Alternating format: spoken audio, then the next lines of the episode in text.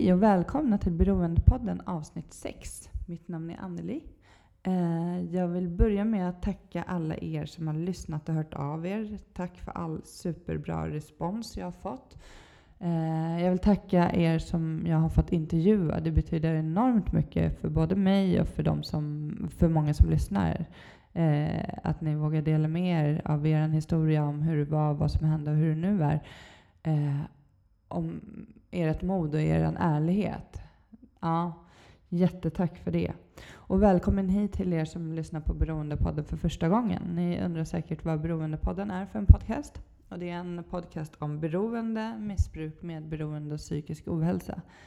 Um, något som jag tycker är enormt viktigt att prata om. Och förhoppningsvis eh, människor som lever med olika sorters beroende kanske kan bli av med mycket av skammen som finns kring det här ämnet. Jag som eh, håller i podden lever själv som nykter alkoholist sedan snart åtta år tillbaka. Eh, och jag, eh, ja, jag vet hur det är att vara på botten och må skit och tro att eh, livet är över och allt är bara mörkt och gör ont. Jag vet hur det känns, men jag vet också hur det känns att tycker livet är underbart och älskar varenda sekund, varenda minut. Att vakna på morgonen och må toppen. Och, eh, och det är så jag lever idag. Men så såg det inte ut för några år sedan. Och jag hoppas att med den här podden att den kan ge andra människor hopp.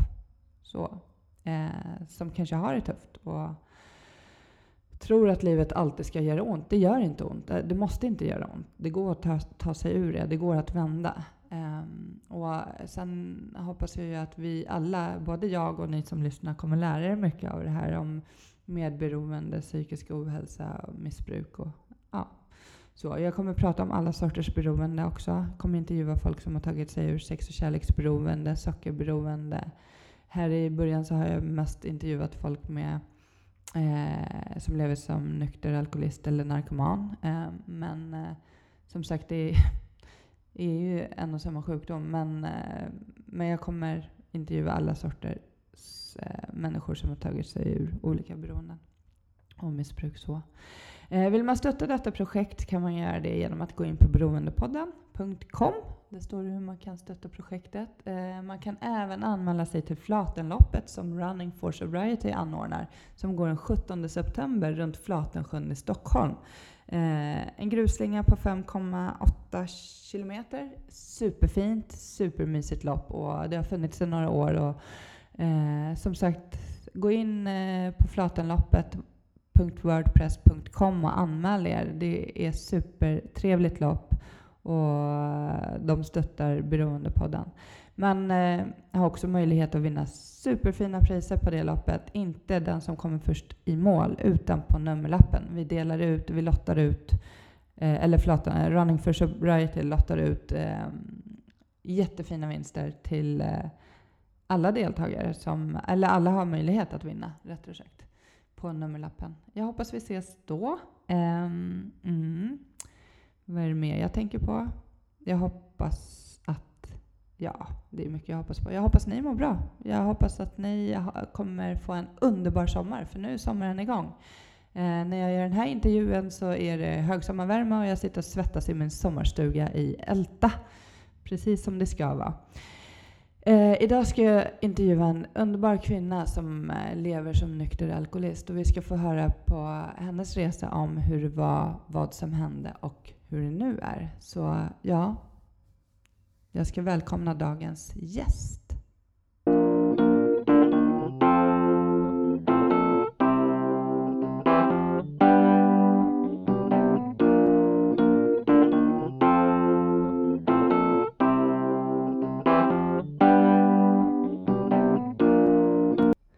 Ja, hej och välkommen Johanna Öjersson.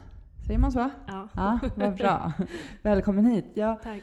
Jag har bett dig komma hit idag för att eh, ja, jag vill höra lite om dig. Och eh, du lever ju som nykter alkoholist sedan eh, snart fem år mm. tillbaka. Det Precis. är bara, bara någon vecka kvar så mm. har du din femårsdag om allt går som det ska.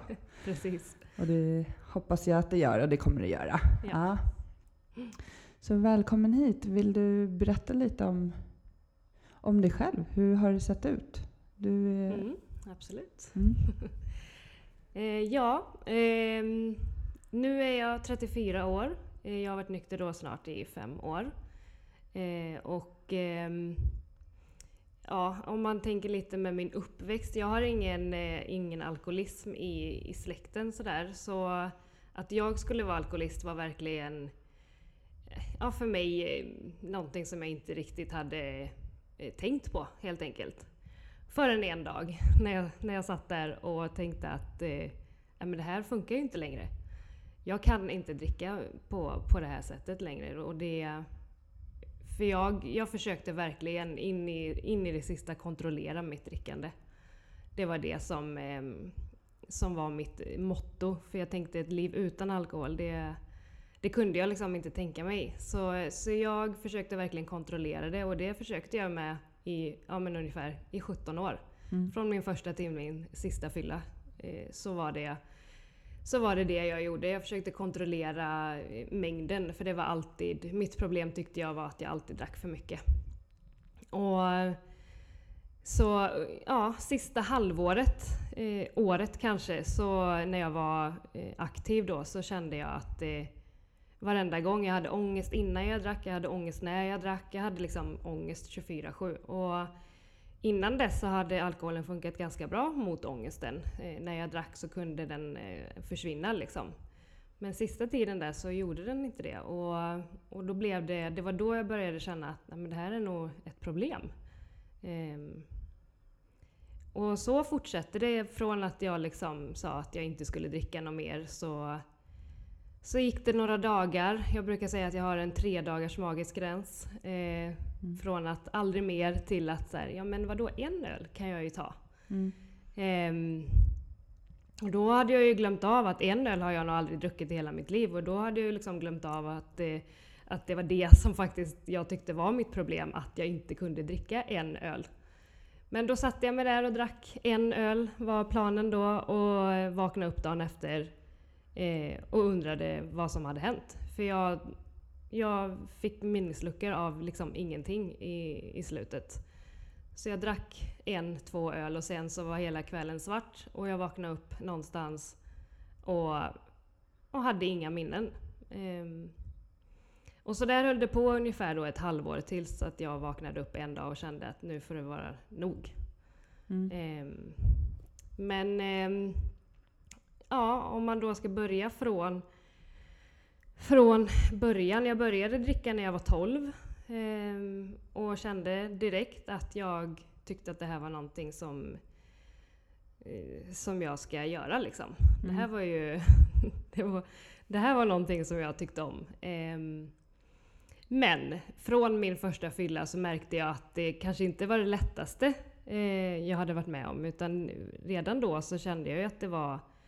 Det blev för mycket. Och, eh, men såklart så kände jag ju ingenting att, liksom, att, det, att det var någonting dåligt med det egentligen. Men jag drack och... Eh, ja, eh, 12 år var jag. Så jag gick alltså i sexan då, vilket är ganska tidigt att börja dricka. Först så var det ju bara på helgerna som jag drack och ehm, ja, alla som drack då var ju egentligen, man drack och kräktes och drack lite mer. Mm. Det var inte så ovanligt då. Mm. Ehm, men ehm, jag fortsatte så och Ja, det, det var liksom alkoholen blev mer och mer eh, syftet med allt i stort sett. Liksom. Ehm, jag är uppväxt med en mamma och en pappa och eh, tyckte liksom inte att, eh, att det var några större eh, problem. Men eh, min mamma har ett väldigt temperament. Ehm, och så här nu när jag liksom har jobbat väldigt mycket med mig själv så förstår jag ju att hur mycket det formade mig. Och jag, jag gick ju och var konstant rädd att hon skulle explodera liksom. Mm. Så jag gjorde ju allt för att hon inte skulle explodera. Eh, vilket också var då att jag försökte kontrollera min stora syster som ofta var anledningen till att mamma exploderade. För hon eh, eh gjorde liksom inte som mamma sa och, eh, och då blev mamma arg eh, i stort sett. Liksom.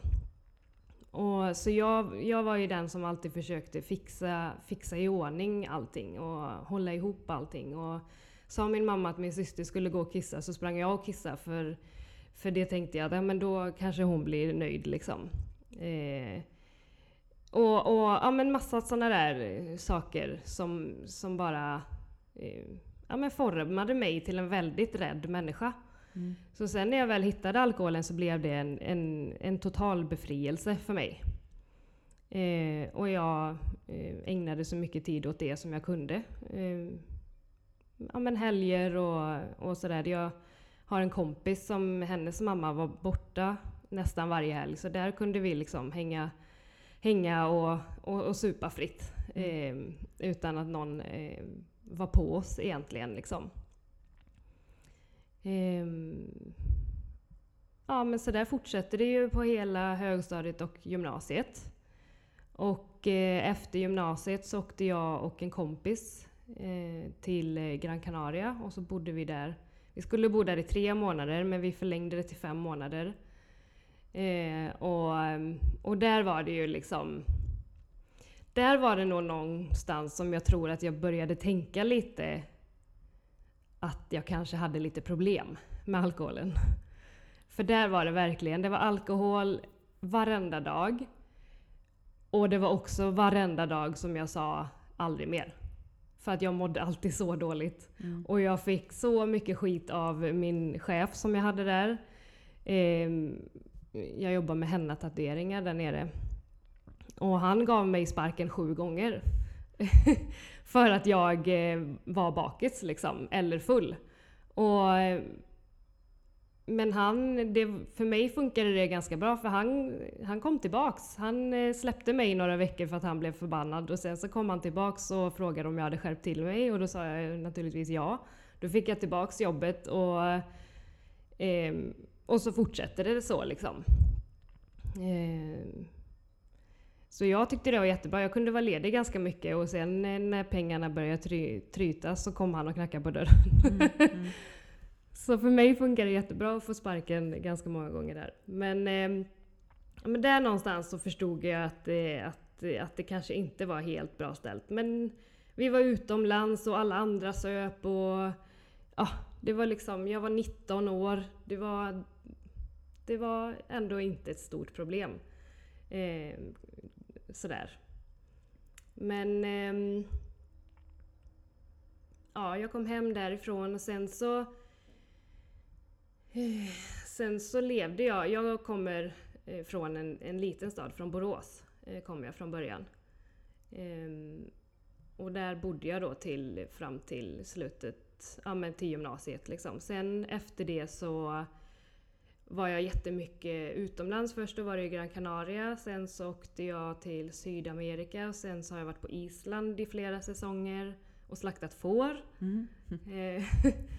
Eh, där man kan tjäna jättebra pengar för vi bodde gratis och, och, och, kunde jobba jättemycket under de här två, tre månaderna som vi var där. Det var jag och min syster som åkte några säsonger. Så då var det liksom det jag gjorde. Jag jobbade några månader om året och åkte resten av året eh, utomlands. Och någonstans så tyckte jag ändå att det var okej okay att supa mycket när man var utomlands. Liksom. Vi, var, vi var i Sydostasien och, och bland massa backpackers. Det var ju det, var det man gjorde liksom. Eh, men jag drack ju alltid, alltid för mycket. Det har alltid varit eh, ja, men som sagt mitt problem att det alltid blivit för mycket. Liksom. Eh, sen så när jag var 25 år så flyttade jag upp till Stockholm och tänkte någonstans där att eh, ja, men om jag bara kommer ifrån Borås, om jag bara liksom... Eh, Ja, jag behöver nog komma ifrån de här människorna och, och göra någonting som jag verkligen vill så att jag inte bara... Så att inte alkoholen blir det här eh, centrumet för att ha kul liksom. Men eh, ja, Stockholm var ju inte den staden som hade mindre alkohol direkt eller mindre uteställen eller liksom. Så, eh, så det, det blev inte bättre när jag flyttade till Stockholm. Eh, såklart. Kan jag känna så här i efterhand. Eh, och sen är det ju också så när det kommer till sjukdomen alkoholism så är ju problemet är ju jag. Det är ju ingenting eh, som är runt omkring mig. Det spelade liksom ingen roll vilka vänner jag hade eller vilken pojkvän jag hade eller liksom vilken uppväxt jag har. Det spelar ingen roll för att problemet sitter i mig. Eh, och jag följde ju liksom med när jag flyttade till Stockholm. Mm. Så det blev ju inte bättre eh, såklart. Eh, men jag flyttade i alla fall till Stockholm och kände att eh, ja, att jag, jag tyckte om Stockholm. Liksom. Först var det bara tänkt att jag skulle eh, bo där några månader. Jag gick en makeupartistkurs. Men sen så blev jag kvar. Efter några månader eh, så träffade jag en kille som jag ganska snabbt flyttade ihop med och sådär. Så, eh, så jag blev kvar i Stockholm och är fortfarande då kvar i Stockholm. Och har bott här i nio år nu. Men ehm, Ska jag berätta mer om uppväxten? Ja, om du känner att du har något som du... Nej, jag bara kände att jag hoppade ganska mycket där nu, men... Eh, Hur mådde du som alltså, barn? Jag mådde väldigt dåligt som barn. Mm. Eh, det är verkligen det, det jag minns. Liksom, eh, att eh, jag hade en konstant oro i kroppen. Mm. Ehm, och mycket säkert kanske, alltså liksom, jag, jag vill absolut inte skylla på mina föräldrar. Men, för jag förstår idag att de gjorde precis så gott som de kunde. Eh, men eh, det har varit ganska, eh, ganska avstängt liksom. Ehm, jag fick alltid höra att jag var en väldigt känslig person. Mm. Eh, som jag då tog väldigt negativt. Eh, liksom, ja, men Johanna hon har alltid varit så känslig. Um, jag vet inte om de menade det på ett negativt sätt, men jag tog det så. Mm. Eh, och lärde mig då att liksom, nej men jag ska inte gråta eller jag ska inte liksom visa några känslor. Och det här är också någonting som jag har förstått nu på senare år, att det var så här det var. Eh, men, eh, nej men jag, mådde, jag mådde dåligt, jag var, jag var rädd och alltså jag var väldigt mesig som, som barn. Mm. Eh, Um, och ja, när jag, var sex, när jag var sju år så kom min lilla syster också. Eh, vilket också var lite så här. Jag tyckte att det var helt fantastiskt att jag skulle få en lilla syster men när hon väl kom så var hon jättemycket sjuk. Och det var massa skrik. Alltså hon hade problem med magen. Eh, när hon var ett år så fick, fick vi reda på att det var att hon var mjölkallergisk. Eh, vilket mamma hade kämpat väldigt hårt för att få, få reda på. Liksom, läkarna sa gång på gång att det är inget fel. Men min mamma gav sig inte. Hon bara, det är någonting som är fel. Eh, och när hon var ett år då så fick de reda på att det var mjölkallergi. Eh, och efter det blev det mycket bättre. Men i stort sett då hela första året så var, alltså hon skrek ju jämt. Och min mamma klarade inte av det. Eh, det var flera gånger som jag fick ta hand om ehm, min lilla syster då. Eh, och jag var ju sju, sju år. Ehm, men, och det här är också så här, jag vet inte om det var så att min mamma tyckte att jag skulle ta hand om henne eller om jag tyckte det. Att, det var, att jag bara tog på mig det ansvaret liksom. Det kommer jag inte ihåg. Eh, jag vet bara att, att jag gjorde det och jag vet att det var några tillfällen som jag, var, som jag var riktigt rädd att min mamma faktiskt skulle göra någonting med min lilla syster. Hon, hon kunde hota liksom att så här, Åh, får du inte tyst på ungen så slänger jag in henne i, i väggen. Och, Eh, och det där var någonting som jag hade mardrömmar om långt upp i vuxen ålder. Eh, och hade ganska så här tydliga bilder på att, eh, att eh, min mamma då slängde in min syster i väggen och att det var blod överallt. Och det här och, så, och det hände ju liksom aldrig. Eh, men de mardrömmarna följde mig väldigt, väldigt långt och ja, tydligt. Men för mig blev det som, att, uh, som, som min uppgift att ta hand om min lilla syster för att uh, min mamma orkade inte det. Liksom. Mm. Ehm, så när jag då hittade alkoholen eh, så blev det, alltså för mig ser jag det nu, det var min räddning. Mm. För jag, då slutade jag ju vara hemma. Jag, jag var nästan aldrig hemma då liksom. Och, och jag vet inte nu, det kanske faktiskt var min räddning. Eh, om jag hade klarat av och, och, och vara i det där eh, mycket längre om jag inte hade hittat alkoholen. Men eh, ja. Så, så, så såg, såg det väl ut i, i, i väldigt stora drag. Eh, så. Men sen flyttade du till Stockholm och träffade Mm. den här mannen. Mm. Vad hände då? Eh, ja, men först så jobbade jag också som barnflicka i några månader, eller i nästan ett år faktiskt, efter jag gick den här eh, makeupartistutbildningen. Men så träffade jag den här killen då i, i, i allt det här. Eh, och eh, eh, ja, alltså han eh, drack också på ett ganska osunt sätt. Eh, men, ehm, men inte, alltså, ja, som i mina ögon nu så skulle jag ju nog också kalla honom alkoholist, även om man aldrig ska diagnostisera någon annan. Eh, men jag kan ju ha mina åsikter i alla fall. Men ehm, eh, jag ja, han drack väldigt mycket ihop. Eh, dock var nog jag den som, som var eh, värre, för att han fick eh, väldigt ofta ta hand om mig.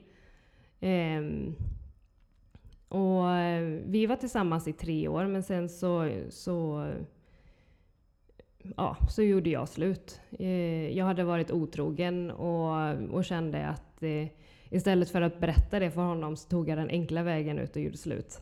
Mm. Ehm, nu vet han ju om det. Jag har, jag har ju pratat med honom om det här efteråt. Sådär. Men ehm, ja, det, det var ju liksom ingen, ingen bra relation sådär eh, sista, sista tiden. Ehm, jag tror inte att man är otrogen i en, i en bra relation, helt enkelt. Men jag var i alla fall otrogen och, och gjorde slut. Ehm, och ehm, och det var då ett år innan jag eh, blev nykter. Så sista året där var det ju då jag bodde först hos min syster i ett halvår och sen hos en kompis eh, i ett halvår. Och ehm, ja, det, det var liksom det var mycket fest och mycket killar under den eh, perioden. Eh, och eh, det blev ju som sagt bara värre och värre. Och och jag vet jag hade några kompisar som var så här, bara, men Johanna när ska du lära dig att dricka? Vi har ju liksom kommit bort från det där för länge sedan. och jag var också så här, ja nej jag vet inte, jag övar på det. eh, men eh, jag, ja, det, det blev verkligen bara värre och värre. Och som jag sa innan, just den här ångesten som inte försvann längre. Det, alkoholen bet inte på det. Eh, på ångesten längre. Och som jag ser det idag, jag har ju som, ja men tack och lov aldrig eh, eh hamnat i något ordentligt drogträsk, eh, om man nu får säga så. Eh, utan alkoholen var verkligen min mästare. Eh, men när den inte funkade längre så hade jag ju antingen kunnat ta, vända mig till drogerna, men nu blev det faktiskt så att jag vände mig till, eh, till tolvstegsrörelsen istället. Eh, och det räddade liksom mitt liv. Eh, jag vaknade upp en dag och kände att jag kan inte fortsätta på det här sättet. Och jag vet inte vad det var som var skillnaden mellan den gången och alla andra gånger som jag liksom har sagt precis samma sak och tänkt precis samma sak. Eh, den här gången var det verkligen så här. Jag bara kände att nu är det nog. Jag orkar inte en sekund till med det här, med det här skitlivet. Liksom. Och jag, var så, jag var så trött på att hela tiden bara må dåligt. Um, så jag... Uh, Ja, ja, men sen så gick jag, jag gick uh, på ett möte eh, några dagar senare. Efter att ha legat på soffan och gråtit i några dagar så, så tog jag mig iväg på ett möte och på den vägen är det liksom. Eh, jag eh, har jobbat i de 12 stegen och jag säger, jag säger idag att jag lever i de 12 stegen eh, i programmet liksom. Eh, för, för att jag vet att det är, det är min räddning och det är min, det är min lösning på mitt, eh, på mitt dåliga mående. Jag, eh, när jag vaknade upp den där dagen så var det inte, alltså det, det som jag kände var verkligen så här. jag orkar inte må så här längre. Mm. Det var inte det här liksom, för mig, den första tanken var inte jag kan inte dricka på det här sättet längre. Utan det var verkligen bara så här, jag orkar inte må på det här sättet längre. Vad kan jag göra? Vad måste jag göra annorlunda? Och jag förstod ju att alkoholen var ju en stor del till att jag mådde så dåligt. Mm. Och, eh, och att den inte funkade längre heller. Alltså så här, den hade funkat så länge och så bra ändå. Men den funkade inte längre. Jag mådde, jag mådde dåligt konstant liksom. Eh, och jag hade kvar jobb. Eh, jag jobbade i butik eh, och hade kvar jobb liksom. Jag brukar säga att jag hade eh, en bostad, men det hade jag egentligen inte. Jag bodde på, eller i min kompis vardagsrum, men jag hade ju någonstans att bo i alla fall. Ehm, Ehm, så jag var ju inte liksom... Eh, jag hade inte förlorat allt helt enkelt, men vad jag hade förlorat totalt, det var det var min hälsa och mitt mående. Jag var helt körd i botten. Eh, och, och, kände verkligen, jag orkar inte en sekund till med det här. Eh, och sen den dagen har jag ju varit nykter. Det var den 25 juni 2011. Mm. Så, eh, så någonting var det ju som hände där. Och för mig idag så är det ju verkligen, jag har en jättestark tro på, på någonting starkare än mig och jag tror verkligen att det var det som som grep tag i mig då liksom. Eh, som, som ledde mig in till, in till lösningen och, och till, att, eh, till att tillfriskna från, från sjukdomen alkoholism. Mm. Eh, och jag gick också då på den hösten där så gick jag en eh, öppenvårdsbehandling eh, på Capio Maria beroendemottagning. Eh, Just liksom bara för att, ja men då gick man också igenom ganska mycket om barndomen och, och om vad sjukdomen alkoholism är. Och det behöver inte vara att man dricker varje dag och det behöver inte vara att man eh, liksom är full eh, 24-7 utan eh,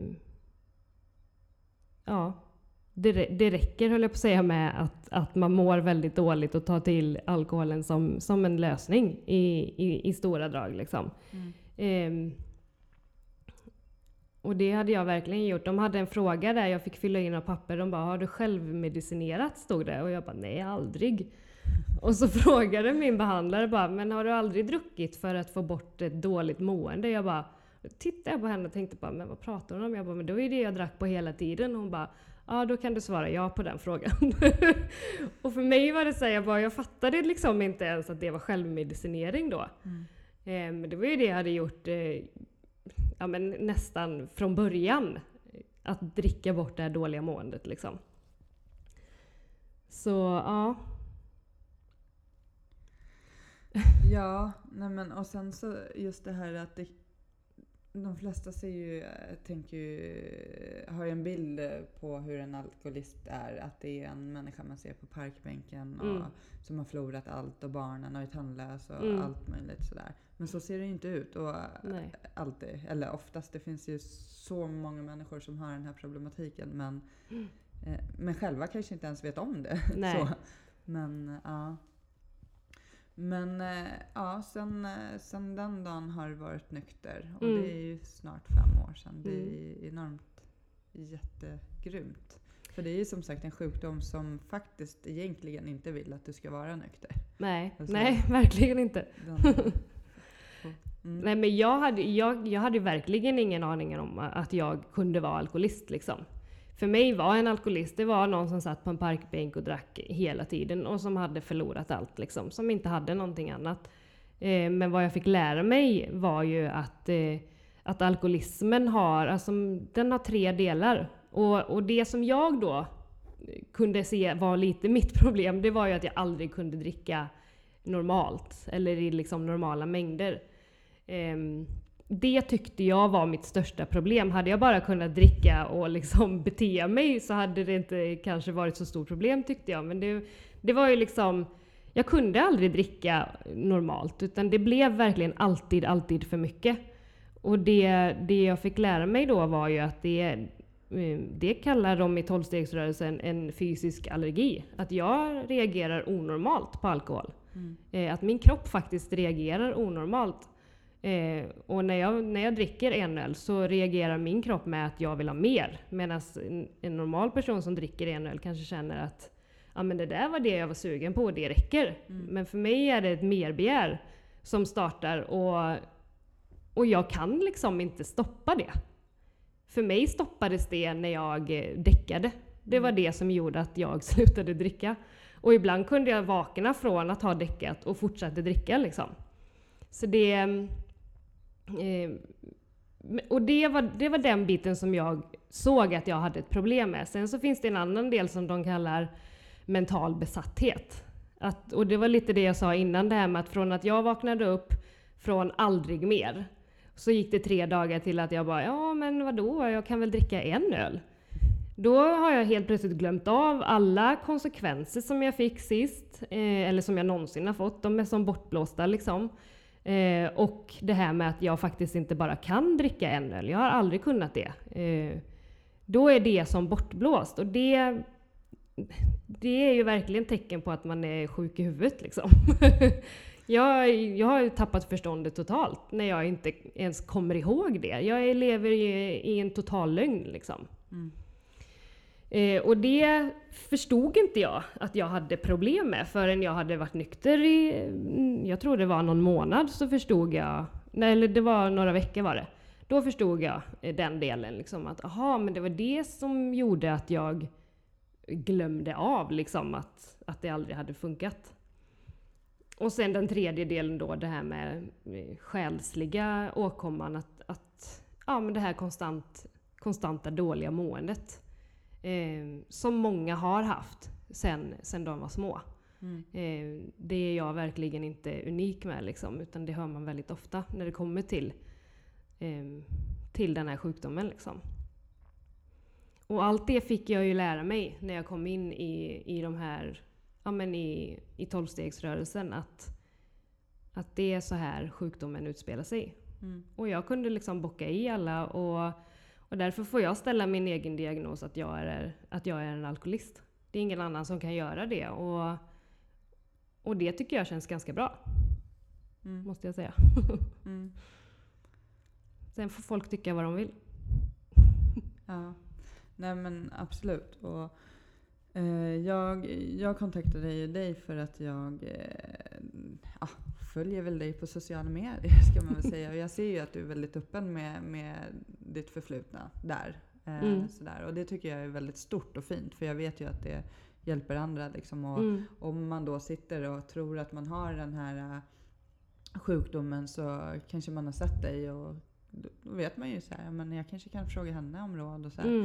Eh, det är min egen erfarenhet också genom att vara öppen eh, Mm. med, med den här problematiken. Men, men hur ser det ut idag? Vad, jag vet att du också vägleder andra kvinnor, män Mm. också eller bara kvinnor? Nej, än så länge har jag bara hållit mig till kvinnor. Mm. Ehm, egentligen av den enkla anledningen att ingen man har frågat mig. Mm. Eh, skulle det däremot, rekommendationen är ju att kvinnor vägleder kvinnor och män män. Men det, jag, jag skulle inte ha några problem att vägleda en man som, som behöver min hjälp. Liksom. Mm. Men nu har det bara inte blivit så. Mm.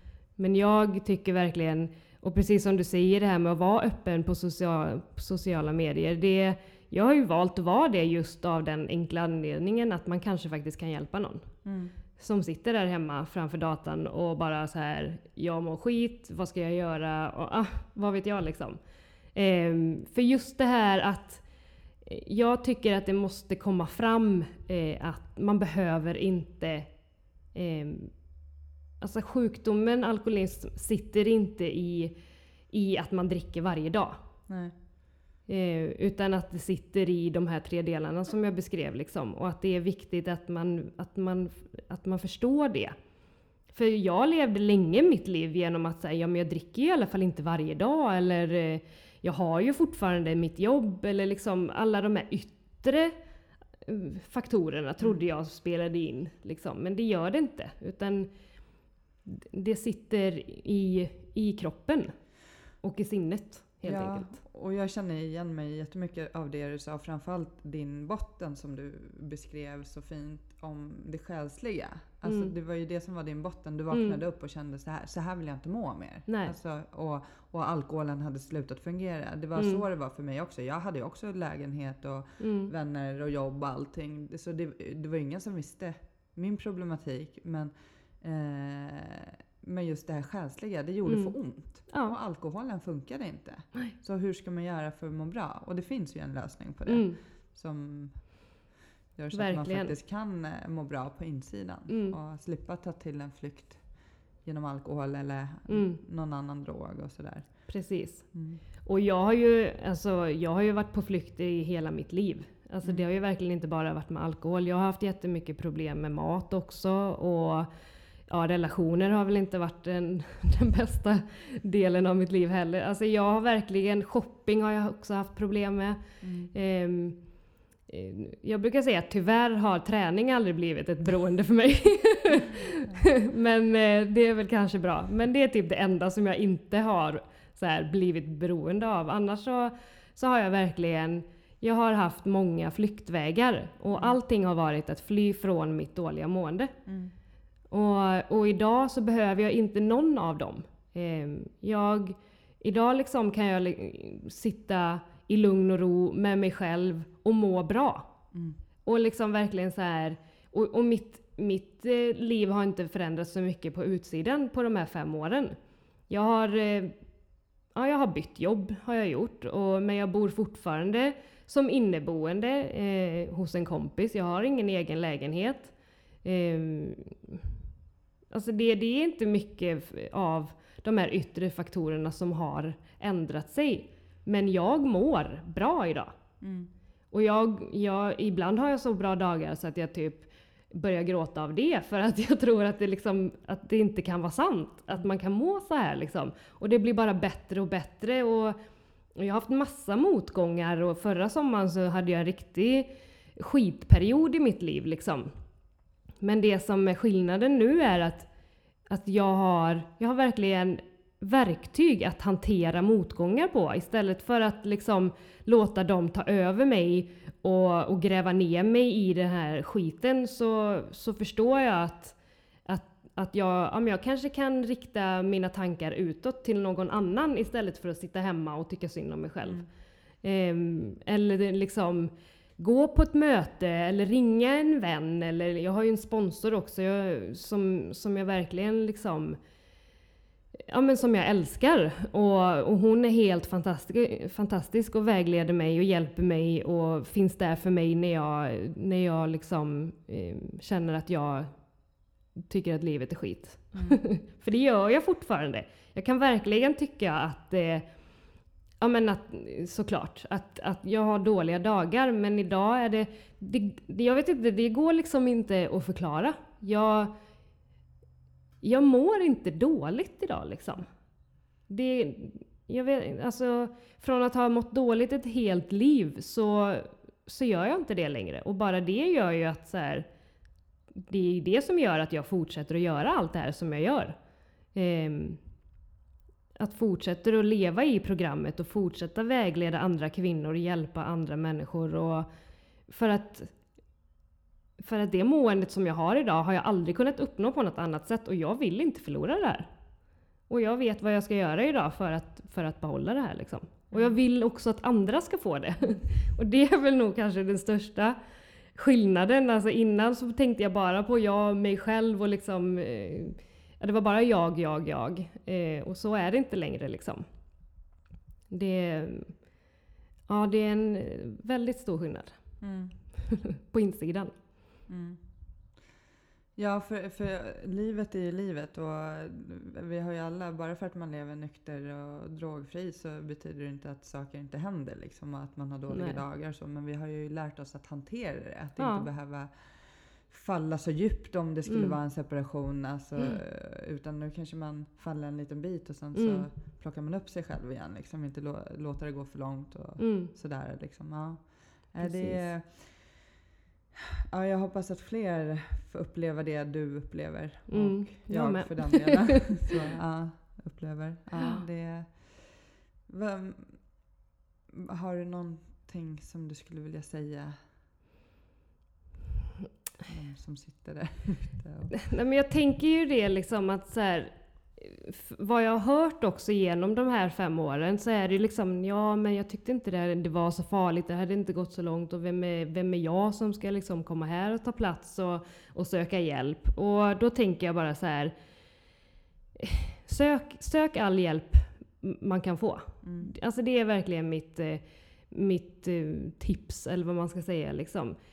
Jag hade aldrig gjort det i hela mitt liv. Jag var alltid så här, jag skulle klara mig själv och jag trodde att, att jag alltid hade rätt. Och, eh, ja men alla det här, eh, mitt ego var så stort så att jag, ja det var helt brutalt. Men sök hjälp, ta hjälp och ja, gå på ett tolvstegsmöte, se vad det är. Mm. Det, det, det behöver liksom inte... Det kan inte bli värre, tänker jag. Mm. Om man har tankar om att jag kanske är alkoholist eller jag har nog lite problem med alkohol. Ja, troligtvis. Mm. Om man tänker det. Ja, det är Ja. inte så många som sitter hemma och funderar på det om man inte har det, helt Nej. enkelt. Sen så kanske inte tolvstegsrörelsen är något för, för alla, men testa det liksom. Mm. Det, man kan aldrig förlora någonting av att testa. Mm. Nej, jag håller med. Och som sagt, det finns ju olika sätt att gå tillväga för att hitta en nykterhet. Liksom. Men Ja. eh, du har hittat det som funkar för dig. Liksom, och, det, ja. och det funkar för många andra också vet Ja. jag. Så det är superbra. Ja. Mm. Ja, nej, jag är jätteglad för att ta med dig och lyssna på din historia. Och, Men tack för att jag just- fick komma. ja, och just det här skillnaden med hur man mår Mm. när man är aktiv och hur man kan må. Mm. Och att uppleva den där äh, sinnesron. Mm. Ja, det, det Ja, är men svårt det- att be beskriva Ja. det för en människa som kanske har mått dåligt hela livet. Det är Ja. först när man mår sådär bra som man verkligen bara shit, kan man må så här? Ja. Det är så här. Och jag känner igen det här. Alltså jag kan också bli typ tårögd av känslan att må så pass bra som man faktiskt kan ibland. Mm. Ja, men Ja, precis. det- Sen också kommer jag tänka på nu bara, jag vet eh, i, i början där liksom, alltså det, det enda som jag egentligen gjorde var att jag släppte mig själv totalt. Jag, jag vågade, för, en, för första gången i mitt liv så lyssnade jag på vad någon annan sa att jag skulle göra, istället för att bara gå min väg. Mm. Ehm, det, var, det, var det, som, det var det som var startskottet för mig. Eh, att, att bara lyssna på någon annan. Jag hade någonstans förstått att okej, mitt sätt var nog inte så bra. Mm. för då hade jag liksom inte mått som jag gjorde. Och, och bevisligen så, så var någon annan sätt bättre, helt enkelt. Mm. Mm, mm, mm, mm. Ja, vi ska väl börja avrunda nu. Men Mm. eh, ja, tack så jättemycket för din, att du kom hit och Ja, delade med dig. själv. Och, om, mm, ja, jag tycker det är supermodigt och superstort faktiskt att våga göra det. Men jag vet att det hjälper andra. Ja. Eh, ja. Tack Ja, tack så mycket. Tack. Hej.